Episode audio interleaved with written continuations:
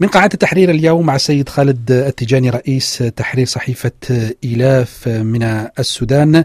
سيد التيجاني فيما لا يزال الحوار السوداني المباشر معلقا حتى إشعار آخر الآلية الثلاثية أكدت أن جهودها مستمرة من أجل أن جمع كافة الأفرقاء في السودان على طاولة المشاورات. يعني هل يتأمل السودانيون خيرا من هذا الحوار أم أنه تحصيل حاصل والأزمة مستمرة؟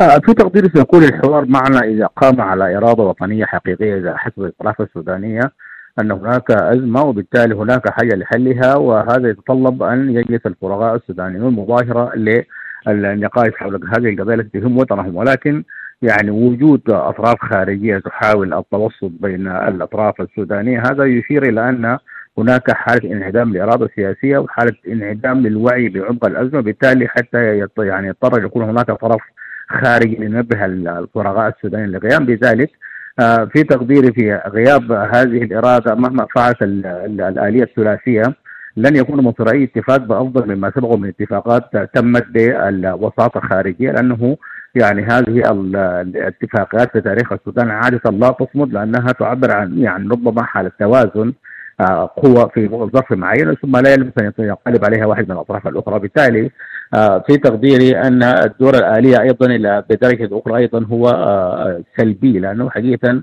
يساعد أو يسهم في يعني تطويل أمد العملية السياسية في محاولة لإيحاء أن هناك جهود بالفعل تبذل للخروج من هذا الوضع الراهن. وبالتالي ما لم يعني يعني يجلس الفرقاء بصورة مباشرة بدون أي حاجة لأي وساطه لن يكون هناك حقيقه معنى إلا نعم. إعادة إنتاج نفس الأزمة بصورة جديدة. نعم، يعني أنه في الأثناء البلد معطل ويحتاج إلى حكومة تسير أمور البلاد، هل نتجه على الأقل إلى التوافق على هذه الحكومة لتسير أمور السودانيين؟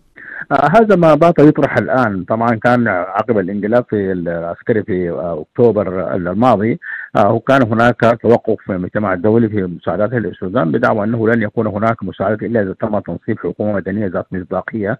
ولكن الآن مع تطاول هذه الأزمة السياسية وفي ظل تفاهم الأوضاع الاقتصادية باتت هناك حاجة مليحة ان يكون هناك ربما نوع لحكومة تصريف أو تسيير أعمال.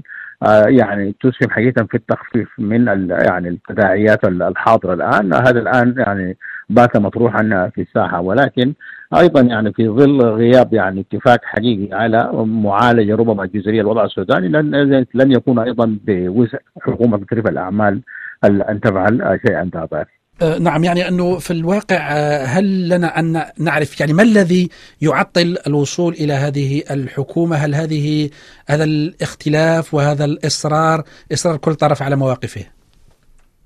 آه، هذه هو صراع إرادات سياسية، المؤسسة العسكرية من جهة تحاول أن تحافظ على لعب دور في معادلة السلطة والسياسة في السودان. وتقول إنها تبع ذلك لحين الوصول إلى محطة انتخابات عامة. من جهة أخرى هناك يعني قوى اتفاقيه السلام في جوبا من الحركات المسلحة السابقة التي أيضا تعتقد أنه وفق اتفاقية السلام في جوبا لديها لديها يعني حصانات وامتيازات معينة تريد المحافظة عليها وأيضا هناك طرف آخر متعلق بقوى الحرية والتغيير التي كانت تمثل الحراك الثوري السوداني في الوقت السابق ولكن حتى الآن هذه تفتتت وحدتها وبالتالي كيف نعم. تحاول استعادة ذلك الدور المحتكر لتمثيل الشارع السوداني فبالتالي صراع الاعدادات بين هذه الأطراف هو الذي يعطل حاجة الوصول إلى تسوية سياسية للأزمة السودانية. شكرا لك سيد خالد التجاني رئيس تحرير صحيفة إيلاف كنت معنا من الخرطوم.